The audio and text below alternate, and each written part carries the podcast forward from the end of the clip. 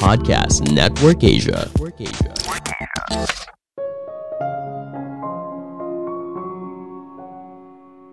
Setiap orang bisa menemukan keburukan dari orang lain, tapi jadilah orang yang bisa menemukan emas dari orang lain.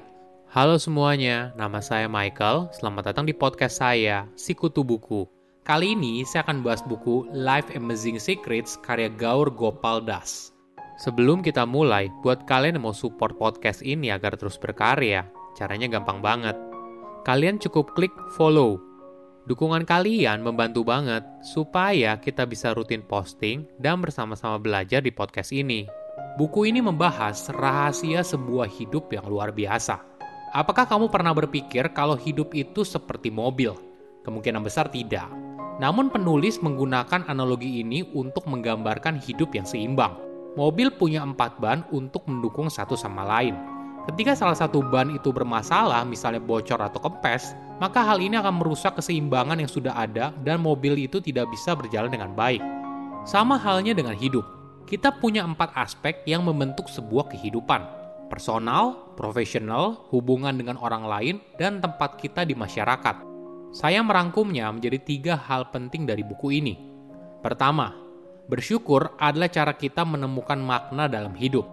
Apa satu hal yang membuat sebuah hidup bermakna? Mungkin terdengar klise, tapi jawabannya adalah bersyukur. Ini memang bukan hal yang mudah, tapi sangat penting untuk menjalani hidup yang bahagia.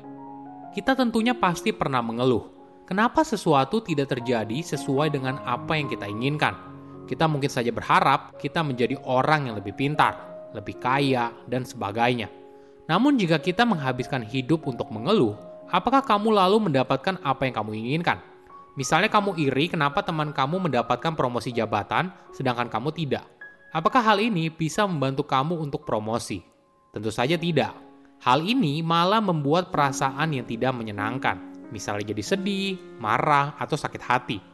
Jika mengeluh justru tidak bisa membawa kita pada hal yang kita inginkan, bagaimana bila mencoba perspektif yang berbeda? Bagaimana bila kita mencoba untuk bersyukur? Penulis bercerita tentang teman dan anak perempuan temannya. Anak perempuan itu berumur 4,5 tahun ketika mendapatkan diagnosa kanker yang bertumbuh secara cepat. Walaupun kondisi ini sangat berat, namun kedua orang tua itu sangat tegar dan tidak kehilangan syukur atas hidup yang mereka jalani sekarang teman dan keluarga datang memberikan dukungan, entah dalam bentuk doa atau biaya berobat di rumah sakit. Kedua orang tua ini melihat hidup dari sisi yang berbeda. Alih-alih menyalahkan nasib atas kondisi yang dialami oleh anaknya, mereka bersyukur karena mereka memiliki keluarga dan teman yang suportif. Hidup kadang tidak bisa diprediksi. Banyak hal yang kadang terjadi di luar kendali. Namun penulis punya tips yang menarik dan bisa dijelaskan dengan mudah melalui sebuah flowchart. Dimulai dari pertanyaan sederhana apakah saya punya masalah? Jika jawabannya tidak, kenapa harus stres? Jika iya, maka ada pertanyaan selanjutnya. Apakah ada yang bisa saya lakukan terkait masalah tersebut? Jika iya, kenapa harus cemas? Jika tidak, kenapa harus cemas? Mungkin hal ini membingungkan bagi sebagian orang. Namun coba kita lihat dari sudut pandang yang lain. Jika kamu bisa menjawab apa yang masalah yang kamu hadapi, maka artinya kamu tidak benar-benar punya masalah. Jika tidak ada yang bisa kamu lakukan, maka ibaratnya kamu tidak punya masalah, toh masalah itu berada di luar kendali. Kenapa hal ini penting? Karena jika tidak ada yang bisa kamu lakukan untuk bisa menjawab masalah tersebut, maka tidak ada gunanya juga kamu menghabiskan waktu untuk cemas.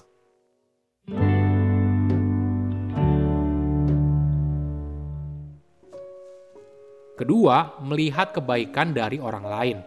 Ada sebuah cerita yang menarik soal sepasang suami istri Istrinya sering kali mengomentari soal kebersihan baju tetangganya.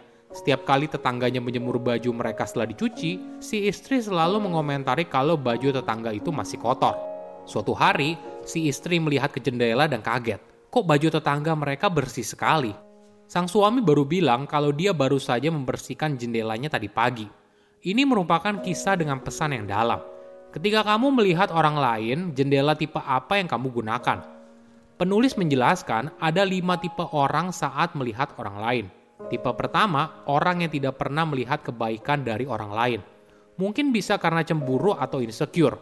Tipe orang itu hanya sibuk melihat keburukan orang lain. Ibaratnya, orang ini tetap melihat baju tetangga masih kotor walaupun jendelanya masih sudah bersih. Tipe kedua, orang yang bisa melihat kebaikan dan keburukan dari orang lain, tapi memilih untuk fokus pada keburukan. Orang ini mengakui kalau seorang itu ada baik dan buruknya, tapi dia memilih kalau orang ini lebih banyak buruknya. Tipe ketiga mirip seperti tipe kedua. Bedanya, tipe orang ini tidak peduli. Intinya dia tidak peduli soal orang lain, Tipe keempat, orang yang melihat seseorang dari sisi baik dan buruk, tapi memilih melihat orang itu dari sisi baiknya. Terakhir adalah tipe kelima, tipe yang paling jarang. Karena orang ini hanya fokus pada kebaikan orang lain. Jika ada sedikit kebaikan yang dilakukan oleh orang tersebut, maka orang ini akan berpegang pada hal tersebut. Mungkin sebagai orang biasa, kita bisa fokus menjadi orang dengan tipe 4, di mana kita memahami adanya kebaikan dan juga keburukan seseorang tapi kita fokus pada kebaikannya.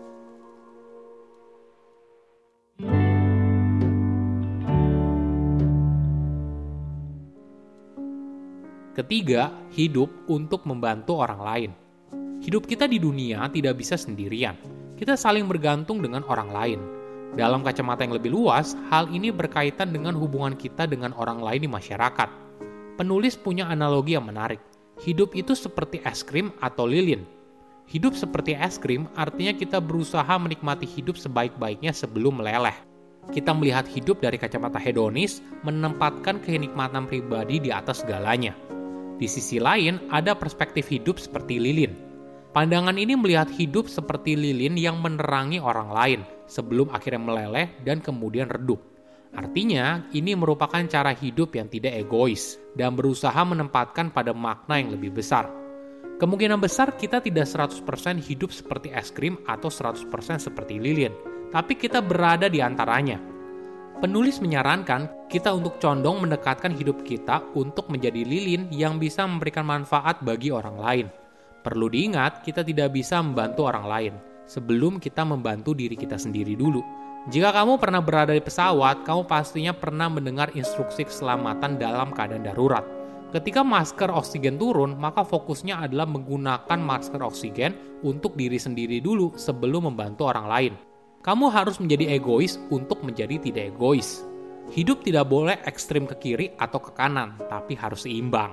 Kamu bisa memulai untuk menjadi lilin bagi orang terdekat kamu, mulai dari keluarga, teman dekat, barulah ke lingkaran yang lebih luas. Banyak orang fokus membantu orang lain yang berada jauh di sana, tapi mereka tidak membantu keluarga mereka yang membutuhkan. Hal ini juga tidak tepat. Oke, apa kesimpulannya? Pertama, bersyukur adalah kunci kebahagiaan. Kita tentunya pasti pernah mengeluh. Kenapa sesuatu tidak terjadi sesuai dengan apa yang kita inginkan? Berharap kita menjadi orang yang lebih pintar, lebih kaya, dan sebagainya. Namun jika kita menghabiskan hidup kita untuk mengeluh, apakah kamu lalu mendapatkan apa yang kamu inginkan? Tentu saja tidak. Hal ini malah menghasilkan perasaan yang tidak menyenangkan, misalnya jadi sedih, marah, atau sakit hati. Jika mengeluh justru tidak membawa kita pada hal yang kita inginkan, bagaimana bila kita mencoba untuk bersyukur? Kedua, melihat kebaikan dari orang lain. Ketika berinteraksi dengan orang lain, setiap orang punya pemikirannya masing-masing. Ada yang fokus pada keburukan orang lain. Ada juga orang yang menyadari kalau setiap orang ada kebaikan dan keburukan, tapi memilih untuk melihat orang tersebut dari sisi yang baik. Cara ini yang bisa menciptakan kebahagiaan dalam hidup.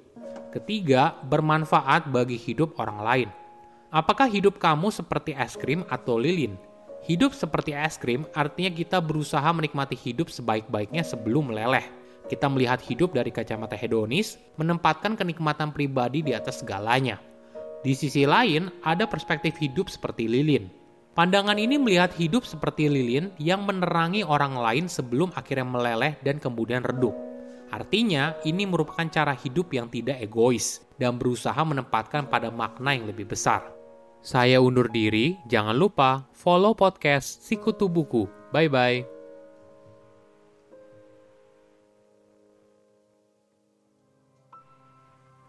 Pandangan dan opini yang disampaikan oleh kreator podcast, host, dan tamu tidak mencerminkan kebijakan resmi dan bagian dari podcast Network Asia.